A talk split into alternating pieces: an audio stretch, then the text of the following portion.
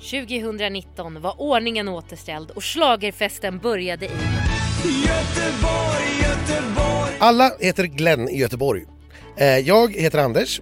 Eh, Jag var i Göteborg. Skaldjuren var tillbaka i Göteborg. Men eftersom Elaine är skaldjursallergiker så var det tur att hon inte var där. Så jag fick bevaka alltihopa själv. Eh, På välkomstfesten så imponerades jag ganska stort utav ett gäng akrobater som väldigt lättklätt gjorde konster. Jag såg också en före detta Idol göra bort sig lite på en fest. Aj då. Nano gjorde comeback efter sin andra plats 2016 med att vara först ut i hela Melodifestivalen 2019. Han jagade floder och en finalplats, men tyvärr mynnade den här floden ut i andra chansen. I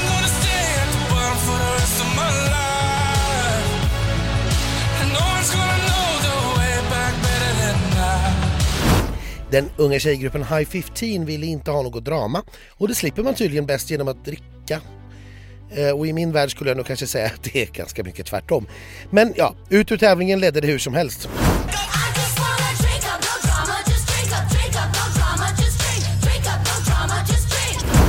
2018, ja det minns vi ju, och det var succé för Felix att sjunga om att bli hjärtekrossad av en dansare. I år tyckte därför Victoria att det var hennes tur att göra detsamma. Vinnande koncept liksom. Hon tog dessutom det här med att sjunga i duschen till en helt ny nivå och tog med sig duschen till scenen bokstavligt talat. Finalplats blev det för sårade Victoria som trots att hon är från Brämhult inte kände sig pressad. Gör det att du känner dig liksom pressad? Oh my god vad kul! Jag har aldrig fått den innan, det är det var det bästa skämtet jag hört. Oh.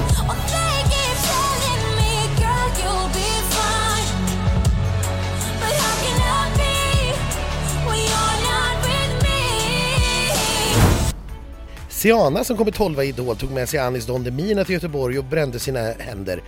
Eller brände sina chanser, eller ja, de, de sjöng om bränder i alla fall. Det var, och det var deras bränder. Mina bränder hette låten. Jag vet inte va, varifrån den här branden kom. Eh, men finalhoppet släcktes i alla fall ihop med bränderna och det blev en femte plats.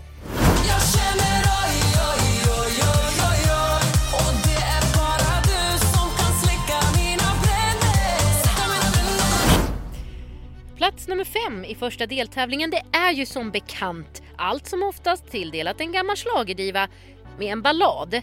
I år var det Arjas tur. Ingen ballad, men Arja sökte upp sin inre Greta och sjöng en härlig schlagerdänga om Moder Jord. En riktig schlagerfestfavorit som senare under turnén dånade genom hela Tällberg via allsång i en viss schlagerbil.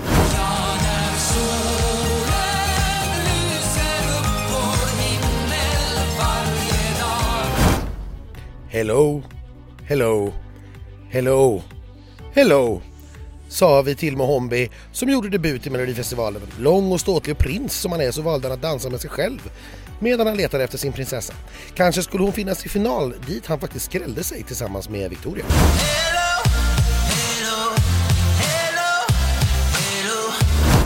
Sist men inte minst fick vi en otroligt modig comeback ifrån Anna Bergendahl.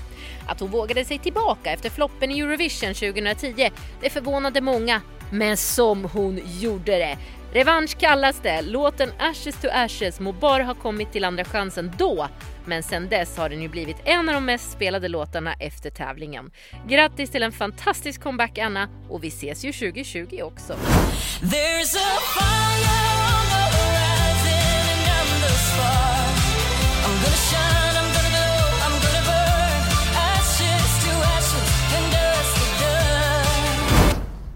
Ett av mina starkaste minnen från Göteborg är faktiskt redan från kommunfesten när vi kom dit. Eh, och det är alltså, du vet, man har sett fram emot den här turnén, träffa alla igen.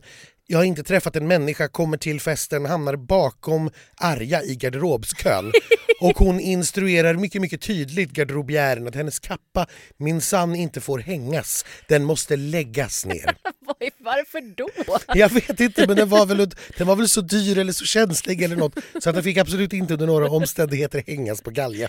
Och då kände jag att ja, nu är vi igång med Melodifestivalen. Hade inte också Arja med sig typ tre meter eh, tyg? Jo, eh, Eller ty- mer? Jo, hon hade med sig väldigt mycket tyg ifall det skulle behövas till klänningen. Eh, men man tyckte att det räckte med det hon hade. Ja. eh, men det var, en- det var ett, en ljuvligt nummer hon bjöd på Det är ju inte så miljövänligt tänker jag. Nej, fast tyget var ju ändå producerat. Hon kunde lika gärna ha det på sig. Ja, det är sant. Ja, att Victoria gick till final det var ju ingen som var jätteöverraskad över för hon var ju lite favorittippad nästan att vinna hela tävlingen innan det började. Det var ju försnacket lite sådär. Ja absolut och hon har ju blivit väldigt folkkär genom de här mello liksom, deltagandet hon har gjort och nu har hon ju dessutom samlat på sig väldigt mycket mer live-erfarenhet. Så att det var kanske inte någon jätteöverraskning. Att Mohombi tog sig var det nog inte så många som trodde utan då kanske man trodde mer på Nano i så fall som eh, ja, var väldigt nära att vinna sist han var med. Han fick ju folkets högsta poäng. Eh, men problemet var väl att den var lite för lik det gamla bidraget. Alltså, och han har inte gjort så mycket däremellan heller som vi direkt har sett. Så att det kändes kanske inte fullt så roligt eh, och därför Nej. blev det Mohombi istället. Ja, nej men jag tyckte, jag är helt faktiskt överens och nöjd med resultatet i Göteborg måste jag säga. Ja, så som det blev så tycker jag också att det var ett fullt rimligt resultat. Och sen packade du väskan Anders, lämnade Göteborg full av nya minnen och så drog vi tillsammans.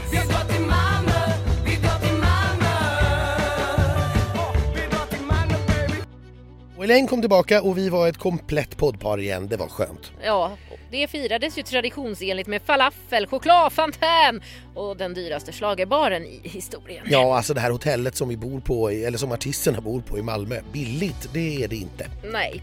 Och stackars vi hamnade ju också mitt i skottlinjen för Liamos och Hannas champagnesprut. Blöta och stinkande sur champagne lyckades vi dock ändå festa och dansa på borden. Ja, bokstavligt talat. Natten lång ihop med ett extremt festglatt startfält. Om du frågar mig så har ju Andreas Jonsson kanske varit med i den här tävlingen en eller två gånger för mycket redan. Men det stoppade ju inte honom från att ställa upp även 2019. Det gjorde han med, glitt, med glittriga byxor och den Avicii-inspirerade Army of Us.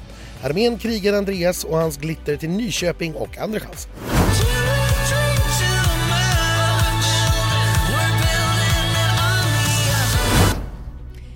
Tävlingens andra och riktigt rejäla skräll den fick vi faktiskt redan i deltävling 2 i Malmö Arena när 15-åriga Malou Prytz, koreograferad och stylad i skoluniform utav Ace Wilder, trallade sig direkt till final med glad pop om att vara självständig. I do me!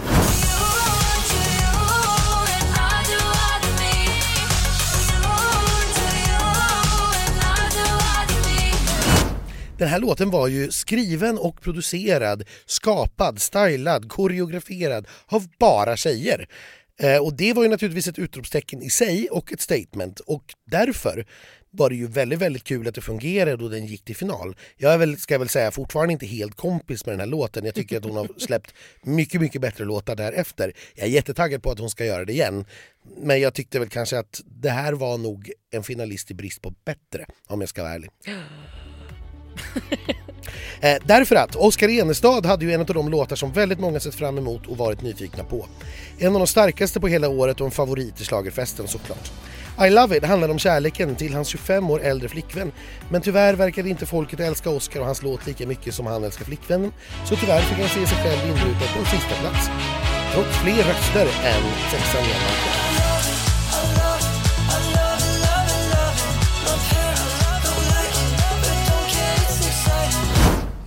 Jan Malmsjö, ja vad ska man säga? Inget rep var det andra likt och han bjöd verkligen på underhållning.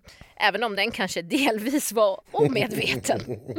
Det bästa det var nog när han faktiskt slumrade till en stund mitt i numret under ett av repen och en av dansarna fick peta till honom helt enkelt så att han skulle vakna till liv igen.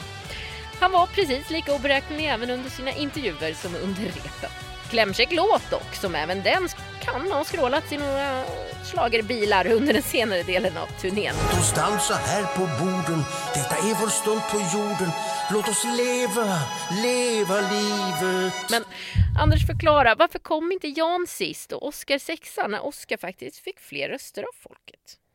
Jo, det är ju, på grund av att man gjorde en förändring i röstningssystemet till i år och det är för att man ska försöka få lite större skillnader mellan tittarnas röster. För sen vi började med appen 2015 Eh, så har det tenderat som så att väldigt, väldigt många tittare röstar på väldigt många låtar.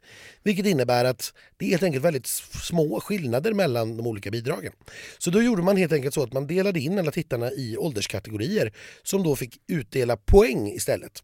Så då innebär det att även om Oscar fick lite fler röster totalt sett så fick han dem alltså mer utspritt över ålderskategorierna. Medan Jan Malmsjö gick hem bättre och samlade sina röster i några få ålderskategorier vilket då gav lite mer poäng och därför så kom han sexa och Oscar sjua. Eh, Tack för förklaringen Anders. Ja, Jag- det är en hel, helt egen vetenskap. Ja, eh, precis som Vlad Reiser kommer jag därför nu låtsas att det regnar. För egentligen förstår jag faktiskt fortfarande inte riktigt varför. Nej, han låtsades ju inte att det regnade, han dansade ju naken i, i regnet faktiskt. Ja, just det. Men, men, men det låter jag nog bli faktiskt för allas trivsel. Men ja, charmiga Youtube-kändisen Vlad Reiser. Han gjorde mellodebut i Malmö och han gjorde det galant. Han dansade sig naken ända till andra chansen och där fortsatte han ju skärma både den ena och den andra damen.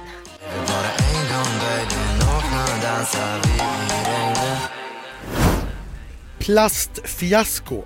Alltså plastpåse kväver melloartist. Vem tog med byggplasten till den här scenen?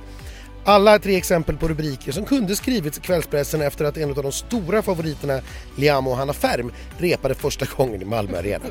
Plasten flög åt alla håll och var helt okontrollerbar, vilket ledde till väldigt många skratt och en nästan kvävd Liamo. Under de tre minuterna det gällde i sändningen höll sig dock plasten bättre i skick och Hanna Ferm och Liamo sjöng sig och sin otroliga kemi ända till finalen och startade naturligtvis, eller möjligen fortsatte, romansryktena.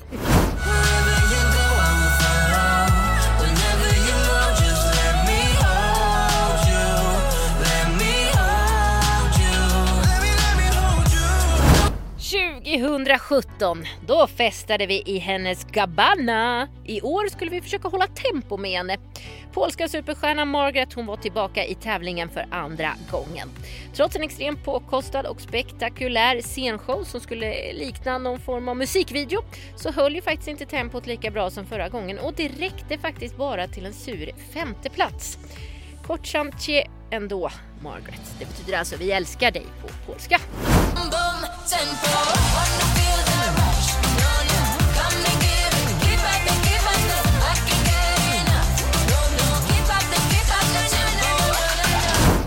Ja, det här var ju en lite spännande deltävling på det sättet att eh, Oskar Enestad hade liksom, det hade läckt lite grann i förhandssnacket att det här är en riktigt, riktigt stark låt.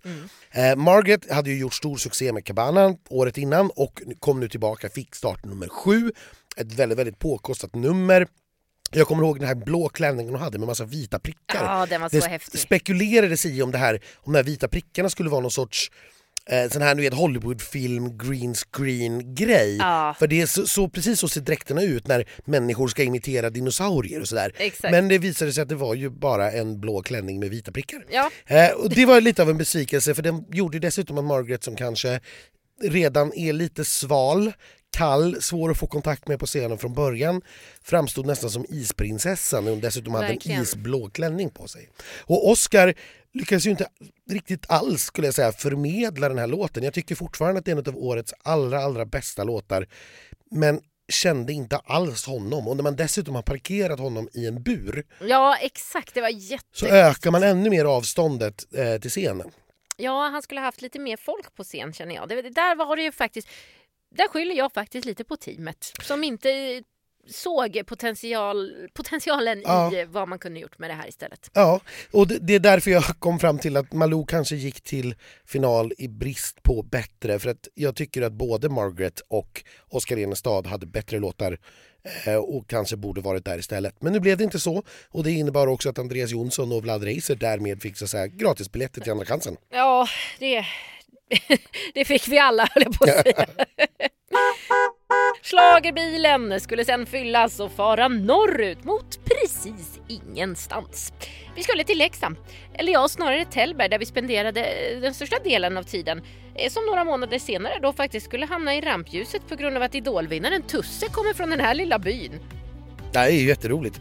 Eh, Lovers of Valdaro hade ju vunnit P4 nästa, eller inte vunnit, men de hade fått erbjudande om att eh, tävla i Melodifestivalen genom tävlingen P4 nästa.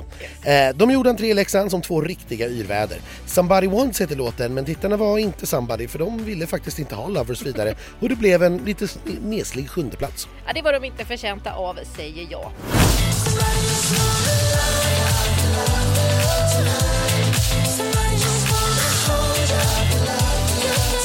Dolly Style, de lärde oss alla sin nya dans. Ja, nu ska ni få höra, aldrig förr har vi alla på pressläktaren dansat så koreograferat och i synk som på detta rep och senare även fest. Habibi, det blev de yngsta tittarnas stora favorit, men ingen annans faktiskt, så det slutade med en trist femte plats för de färgglada sångerskorna.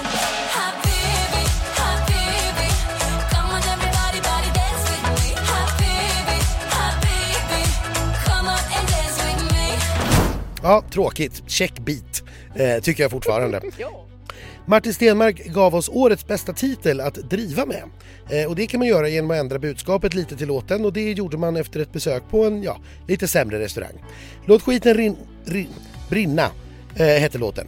Eh, ja, härlig man som visade att gammal är äldst och slog ut Dolly Style om andra chansen-platsen.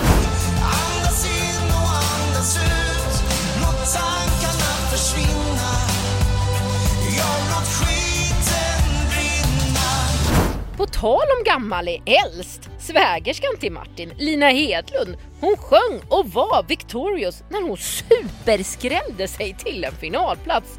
I en stuga i Tällberg fick man se de mest chockade ansiktena på ett antal schlagerreporters som ni någonsin har fest sett faktiskt tror jag.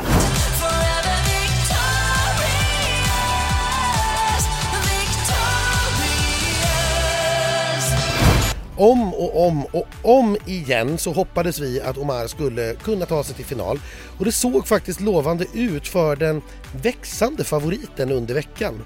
Men till slut föll det ändå ganska platt hos tittarna. Det är trots allt en av tävlingens mest minnesvärda refränger som snurrade i huvudet om och om och om igen.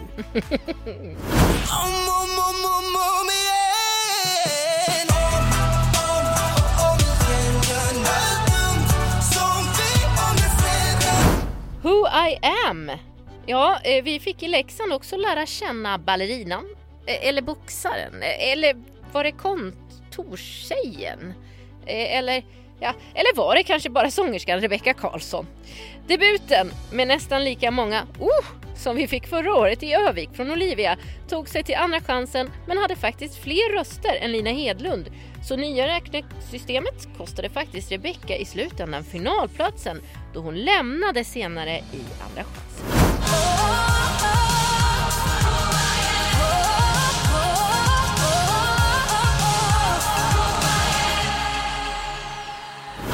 Sen hörni, sen så gjorde ett riktigt, riktigt vilddjur debut i Melodifestivalen. Va? Ja, vi välkomnade renen. Oh. Ja, ja, för Jon Henriksson sjöng, han har ju varit med ganska gånger, många gånger förut och han skulle ju vara stjärnan. Eh, han sjöng om norrsken eh, och han eh, sjöng för första gången, han dansade för första gången och den lilla samepojken, ja det gick ju hem för att den gick direkt till finalen. Om det var renens förtjänst eller inte, det, det vet vi inte.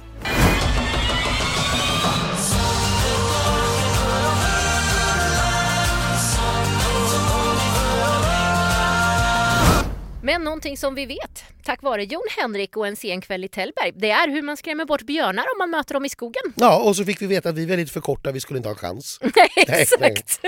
Men om man sätter sig två och två på varandra, Ja. då, då har man en större chans. Yes. Om man är kort. Ja. Så man måste alltid vara två i skogen. Och det kan vara bra att veta till kommande schlagerturnéer om vi behöver ge oss ut i skogsrika områden där det finns björnar. Jag vet inte hur det ser ut i Luleå.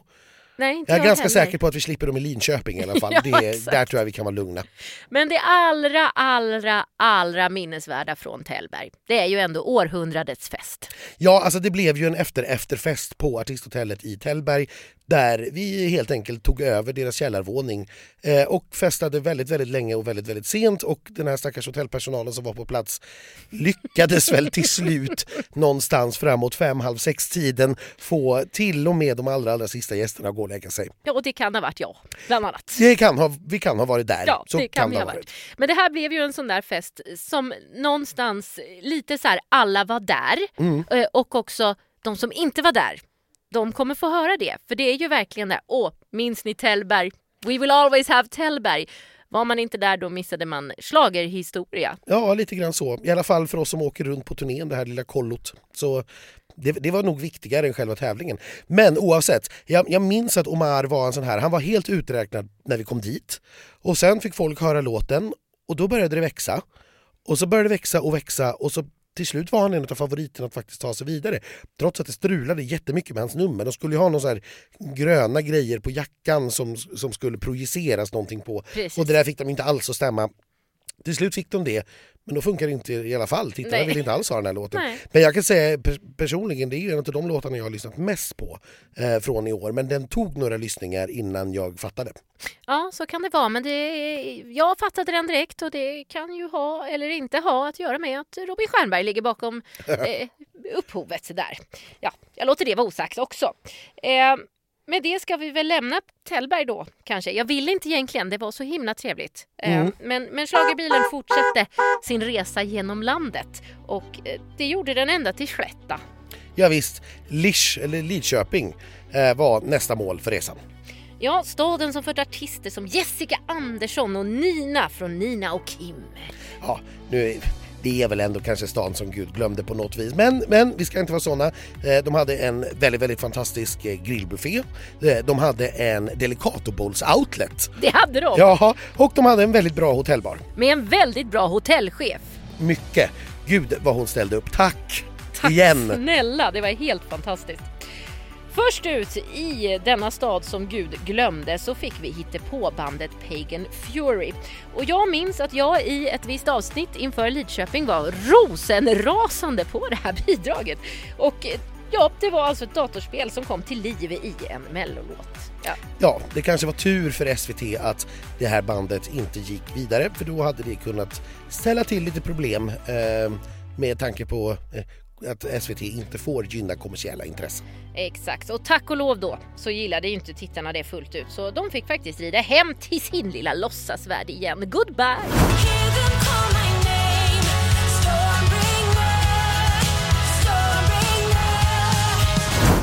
Anton Hagman var tillbaka i tävlingen. Eh, vi har tidigare kallat honom Queenslayer sedan han slog ut Loreen i Andra chansen 2017. Nu slipper han nog det smeknamnet, eh, eller kanske några andra smeknamn också faktiskt, efter Känner dig. Eh, ja, det var, det var inte min favorit. Det var inte tittarnas favorit. Det bästa var att han en stund inte hade någon tröja på sig. Ja, det var väldigt positivt. Ja, han känner bevisligen i alla fall inte alls oss. Nej någonsin har För båda vet att ingen annan är som du och jag Och jag har fortfarande inte förlåtit honom för 2017. Det kanske var det tittarna inte heller gjorde, vem vet? Torn, det var en av 90-talets allra största hits det. Lisa Ajax tänkte kanske att det skulle vara ett vinnande koncept med en sån titel. Och det var det ju faktiskt. Nästan. Lisa gjorde ett känslomässigt bidrag skrivet av enbart en kvinna. Och det gillar vi ju i alla fall. Lisa skrek, sjöng sig ända till andra chans.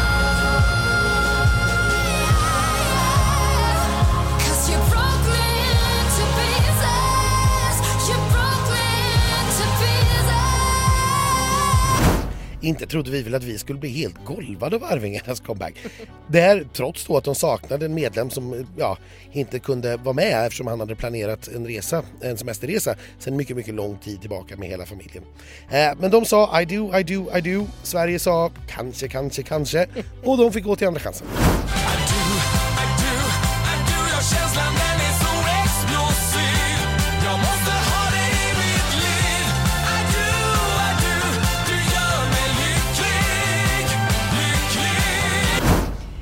Sen var det ju dags för en ny stjärna att tändas på mellohimlen.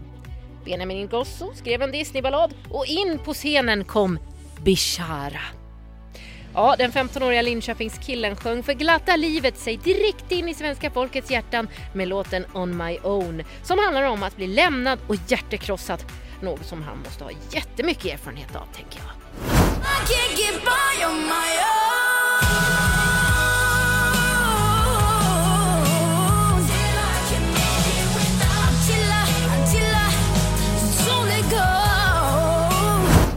Bishara kanske inte hade så mycket erfarenhet innan, men någon som har väldigt mycket erfarenhet, det är Ann-Louise Hansson.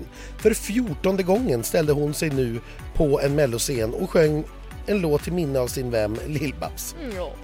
För att spä på ännu mer av känslorna så hade hon även med sig sin dotter Josefin, både på upphov och på scenen i kören. Otroligt vackert.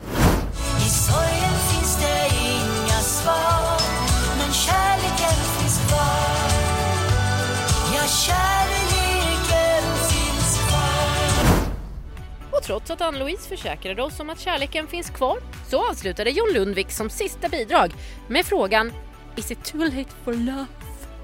Och det var det ju inte. Och inte heller var det för sent att hitta årets absoluta självklara favorit efter fyra fantastiska kvinnor med stora röster och frisyrer. The Mamas gjorde entré för svenska folket och fick på vippen nästan mer uppmärksamhet än John. Eh, frasen “It ain't over till it's over” det sammanfattar väl årets startfält väldigt, väldigt väl.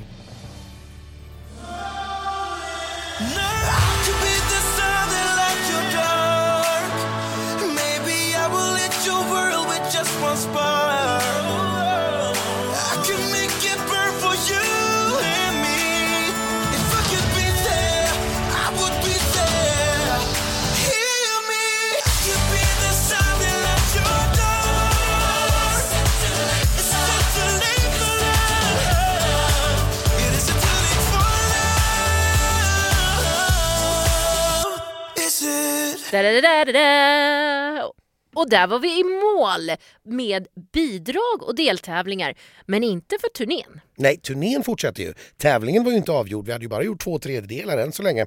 Så att vi åkte ju iväg till Nyköping. Men innan vi gör det, då tar vi lite minnen från Lidköping. Det jag kanske minns mest från Lidköping det är faktiskt den otroligt festliga stämningen som faktiskt var i hela... Det var ett otroligt festglatt gäng även i Lidköping. Och jag tror verkligen att den här hotellpersonalen och den här hotellbaren som vi var på, de hjälpte till med det. För de ställde ju liksom upp och hade öppet och fixade och donade, såg till att vi fick vara där och ha kul. Och den här fantastiska eh, chefen som sprang runt och härjade och styrde och ställde. Och körde hem folk som inte fick Ja! tag på taxi mitt i natten. Nej, helt otroligt. Så där ska, så där ska en slipsten dras. Verkligen roligt. Det, är- det var, deltävling 4 brukar ju också vara lite extra kul med efterfesterna och allt. Jag var ju konfettiansvarig på efterfesten, Ja, det, det, ska vi inte väldigt, glömma. väldigt fina bilder i kvällspressen. Mm, och väldigt uppskattat. Så jag hoppas jag får ta den rollen under hela turnén nästa år. Ja. Mm. Eh, tävlingsmässigt då, alltså det blev ju lite grann så här att när man väl hade sett John Lundvik and the Mamas så blev det ju kanske inte så spännande. Nej, där, där dog det ju lite. Ja, lite grann så. Samtidigt som jag vet att jag försökte hålla hoppet uppe eh, genom att säga, ja fast nu var det ändå några veckor sedan vi såg Hanna och Liamo. Man glömmer bort lite grann hur det här är. Vi får se när de ställs mot varandra längre fram. Ehm, och sen naturligtvis det här otroliga genombrottet som Bishara stod för. Ja. Ehm, Sen det här att han försökte lura i publiken och tittare och sådär att han var så att han hade sån scenskräck och att han var så nervös. Det, Alltså! det, det, man får komma på lite mer trovärdiga lögner. Men ty, ty, antingen så gick ju folk på det eller så tyckte man bara att det var fantastiskt i alla fall. För att så där beter sig inte en människa med scenskräck. Nej, absolut inte. Och när vi träffade och pratade med honom eh, mycket eh, så märkte man ju att det här är ju inte en blyg kille. Nej. Han är otroligt framåt och världens gulligaste lilla människa. Jag ville typ adoptera honom. Det var du och Ann-Louise Hansson som ville det tror jag. Ja, jag, jag, jag, jag umgicks lite med hans pappa faktiskt också. Ja. Så det kanske finns en chans där att jag Det är kan ju få ett sånt adoptera där honom. jättehärligt ögonblick när de får stå i split screen, Ann-Louise mot Bishara och man får, man får nästan hålla fast Ann-Louise så att hon inte springer fram och kramar honom innan man har, sett, eh, alltså innan man har fått resultatet. Ja. Eh, en riktigt, riktigt härlig bild faktiskt. ja, men det är det. Den äldsta mot den minsta liksom. Ja, Ja. Nej, det var fint. Lisch var fint ändå. Ja. Trots hemsk stad. och sen åkte vi till Nyköping för andra chansen. Det gjorde vi. Schlagerbilen fortsatte sin turné. Ja, och där är det ju, om man ska ta ett ehm, eh, På spåret med en, en På spåret-mening. Oh. Vi åkte till stad där Andra chansen fick en första chans. Ah, roligt! för det var ju nämligen i Nyköping som Andra chansen ge, genomfördes som egen tävling första gången 2007. Du ser! Och där hade de också bra buffé. det, och, och vi fick en jättefin svit. Det fick vi. Eh, dock funkade ju inte jacuzzin och det vart ju jag väldigt besviken på. Ja, men det fanns också bubbelbadkar eh, på hotellet så att du klarade det ju. Det gjorde jag ju faktiskt. I övrigt så bjöd ju Andra chansen oss på eh, vinkväll med Måns. Det bjöd oss på eh, en välkomstfest eh, som var eh, designad som en tunnelbanestation. Fast det var på en gammal brandstation. Och det var jättemärkligt för Nyköping vill ju inte vara Stockholm. Nej. Då, då, så varför försökte de? Alltså, det var väldigt märkligt tema. Ja, det handlar ju om att de vill ju locka till sig stockholmare för att bo där eftersom det ändå är så pass nära. så att det går att Ah, pendla. Så det var liksom tunnelbanestationen Nyköping. Exakt så. Jag förstår. Vi fick ett fantastiskt pausnummer där Måns ju tillsammans med schlagerfesten favoriten Dotter eh, gjorde Walk with me. Och så fick vi ju en överraskning. Och jag vet att det här upphaussades väldigt mycket i förväg hos våra vänner. De hade blivit tillsagda att det var väldigt viktigt att man var på plats för det skulle hända någonting riktigt stort. Och så kom Johnny Loken. Ja, och det är ju, är ju naturligtvis häftigt att äh, äh en, äh, han som har vunnit Eurovision tre gånger, två gånger som artist och en gång som låtskrivare, äh, kommer och uppträder i Melodifestivalen är, är klart. Men det är ju så här, det var ju ändå 25 år sedan sist. Det är ju inte någon sådär, jag kanske inte kissade ner mig eh, Nej. Ska jag väl vara ärlig och säga. Nej, och det var mycket spekulationer som var mycket mer spännande än Johnny Logan. Eh, Men det vart ju en väldigt fin stund i tv eftersom det vart som en hyllning till Kodjos mamma. Ja, det var absolut, det var härlig tv-underhållning och det blev väldigt, väldigt fint. Duellerna ska vi ju inte glömma. De är ju någonstans ändå eh, liksom huvudnumret i Andra chansen. Vi fick med oss eh, Arvingarna till final. De stod mot Rebecca Karlsson eh, som tyvärr då fick lämna trots att hon egentligen skulle varit i final enligt gamla regler. Det var väl ingen skräll direkt. Nej, det var ganska självklart och jag tycker att alla de här fyra duellerna var ganska självklara. Det var liksom inte spännande någonstans egentligen. Nej, för sen hade vi ju då Martin Stenmark mot Lisa Ajax. En väldigt udda duell eh, som inte helt oväntat gick till Lisa Ajax och det är vi ju väldigt glada för även om Martin är en härlig kille. Ja, nej, Lisa fick nästan dubbelt så många röster så det var inte så mycket att prata om. Nej. Eh, vi hade också Andreas Jonsson som fick möta Anna Bergendahl. Eh, och eh, ja, det var också här en ganska enkel match får man väl säga. Det var nästan dubbelt så många röster. Eh, alla tittargrupper hade Anna före Andreas. Och det var ju också här Andreas Jonsson fick en stroke på scen. Eller vad som såg ut som en det stroke såg nästan på ut scen. som det. Ja. Det, Det var, var otroligt läskigt. ja, men eh, efter vad han sa efteråt så var det ju en blackout helt enkelt. att Han glömde text. Ja, för att det började pipa i örat eller Ja. någonting eh, som gjorde att han blev helt Men det såg borta. mycket, mycket märkligt ut. Ja, det såg väldigt läskigt ut. Och eh, vi hade också en duell med Vlad Reiser och eh, Nano. Eh, och här var det ju också då Nano som fick ta sig till final. Eh, också väldigt, väldigt tydligt eh, i röstetalen eh, att det var honom tittarna föredrog framför, för, framför Vlad. Det här var väl för mig, får jag väl erkänna, duellen där jag kanske inte tyckte att någon skulle vara i final. Nej, eh, men det här är också duellen där jag tror att Vlad förlorade lite på att han sjöng så illa. Helt enkelt. Eh, för att jag tror att det här numret eh, hade jag hellre sett i final om han hade varit värd det. Men med den sångprestationen så var han tyvärr inte det. Nej, och han var ju så rolig också för att han sjöng ju sämre och sämre. Ja. Han sjöng, han sjöng mycket, mycket bättre på de första repen jag såg Ja. i Malmö än vad han sjöng liksom, i sändning i Andra chansen.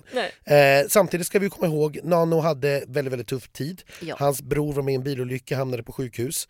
Eh, alla pressaktiviteter och sådär var inställda så att Nano gick upp på scenen, gjorde sitt nummer, lyckades ta sig till final. Naturligtvis jätte- jättekul för honom, men också naturligtvis en mycket, mycket jobbig period. Mm, Såklart.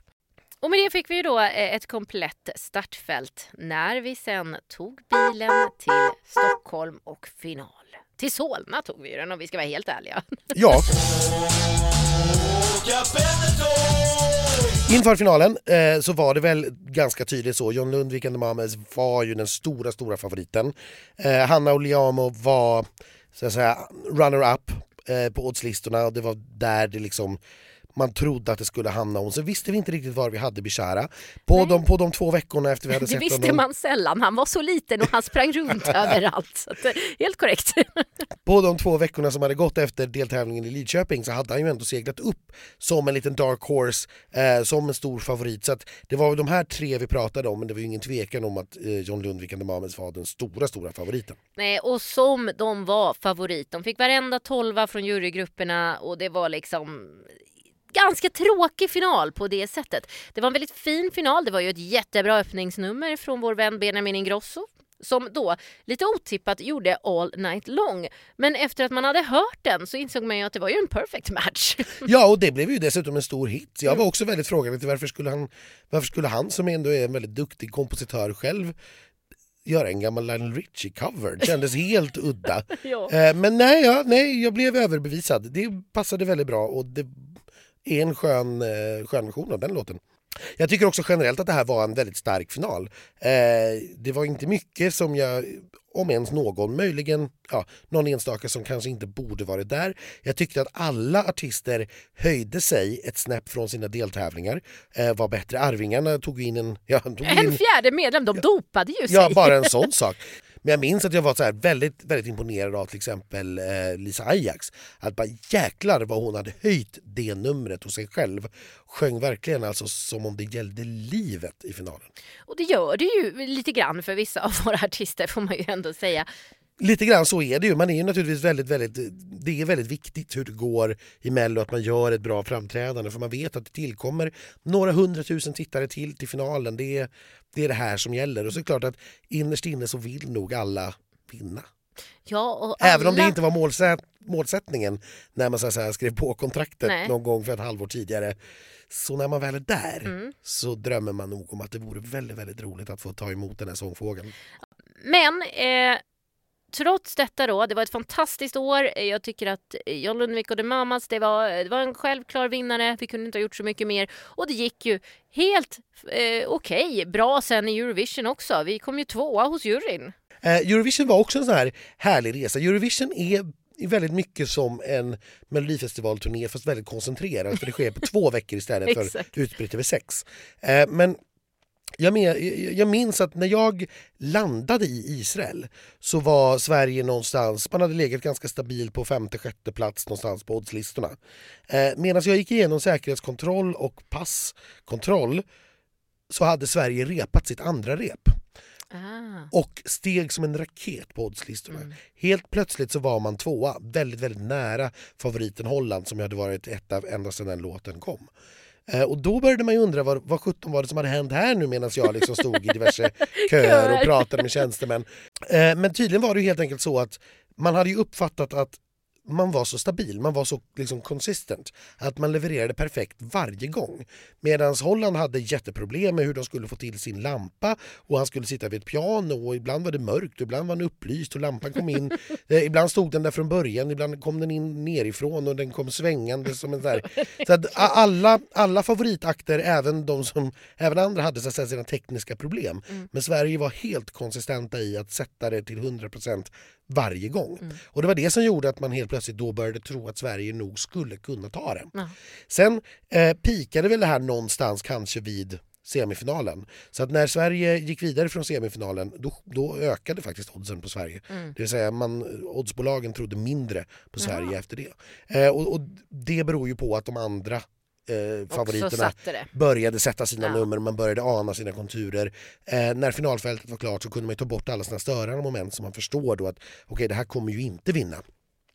Eh, och det innebär att när vi var i finalen så Ja, jag var ganska övertygad om, och det vet jag att vi pratade om i vår podd, att vi kommer få väldigt mycket eh, jurypoäng, framförallt från väst. Mm. Vi kommer i princip bli nollade från öst. Ja. Eh, tittarpoängen kommer att bli bättre än för Benjamin, kanske någonstans i, i mitten, lite strax däröver. Och precis så gick det. Ja. Och det räckte då till en, en femte plats totalt. Ja. Eh, men det som jag tyckte var intressant med årets Eurovision var ju att ingen Eh, alltså varken juryvinnaren eller tittarvinnaren slutade i topp fem. Nej, och det är ju väldigt intressant. Ja, alltså, och nu är ju, det här har vi också pratat om förut.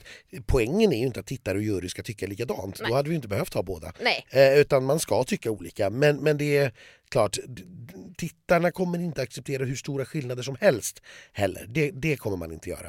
Eh, men vi får väl se om, om det var ett exceptionellt år. Jag tycker fortfarande det är mycket, mycket märkligt att, att jurygrupperna plockade upp Nordmakedonien. Jag tänkte säga det, det är också så bidrag. långt ifrån, alltså Keino Nordmakedonien.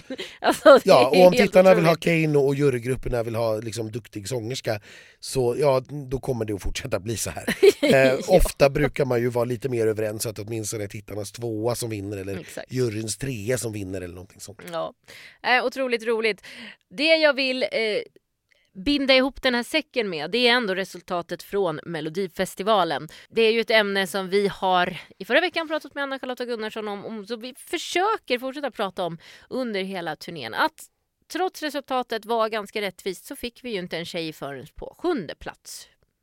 Nej, och det är ju mycket, mycket märkligt för det här var ju en väldigt jämn final eh, könsmässigt. Vi var väldigt jämnt fördelade mellan män och kvinnor men ändå så hamnar alla tjejerna i botten och alla killarna på toppen. Ja, det som du säger kan inte vara talang eller tycke och smak utan det är någonting annat. Ja, inte när det sker år efter år efter år. Nej. Så kan det inte vara det. Men att därmed överföra det till den enskilda artisten eller den enskilda låten låter ju sig inte göras. För jag tycker ju verkligen att John Lundvik var det bästa bidraget. Absolut, men jag kan nog tycka att både Anna och Victoria borde ha varit eh, uppe i topp fem.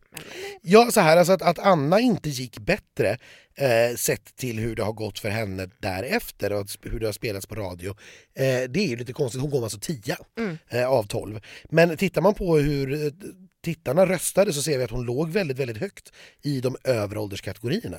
Eh, det var till och med så att två ålderskategorier, både 45 till 59 och 60 till 74 hade henne på andra plats. Men däremot eh, tittar alltså, ålderskategorierna upp till 30 nollade henne. Det Allihop. är ju helt otroligt. Jo, men då är det också en typ av musik som alltså inte alls faller yngre tittare i smaken. Nej, Eh, och då, med det här systemet så blir det på det viset att du måste slå brett i alla åldersgrupper. Vi kan, vi kan titta tvärtom till exempel så var det Lisa Ajax eh, som fick eh, utav de yngsta ålderskategorierna som hade henne på femte plats. Eh, men hon fick istället då noll utav de äldre grupperna Ja. vilket gjorde att hon slutade på nionde plats. Just. Så det, är, det som är själva grejen här är att du måste slå i alla ålderskategorier för att komma högt. Och då var det ju så, eh, John Lundvik var den som vann. På andra plats, det var väldigt väldigt tajt, eh, så kom Bishara med On My Own och på tredje plats då Liam och Hanna Färm med eh, Hold You. Fast de hade lika mycket poäng och där var det väl då eh, tolvor i åldersgrupper som avgjorde, eller var det tolvor från juryn som avgjorde? Bishara fick helt enkelt fler tittarpoäng än vad Hanna och Liamo fick och därför så, trots att de då fick lika många poäng i slutet så var det Bishara som kommer på andra plats. Det här var ju ett genomgående tema i år att det var väldigt många låtar på samma poäng. Vi hade inte mindre än tre bidrag som stannade på 64 poäng och här hängde ju inte ens SVTs grafik med så resultattavlan, resultattavlan i sändning visade ju helt fel vilket jag naturligtvis tycker är vansinnigt roligt att Ja. inte ens SVT själva begriper sina regeländringar. Efter prispallen då så kom i alla fall eh, Jon Henrik Fjällgren på fjärde plats eh, och sen hade vi Mohombi på femte plats. På sjätte plats kom Victoria och på sjunde plats kom Arvingarna.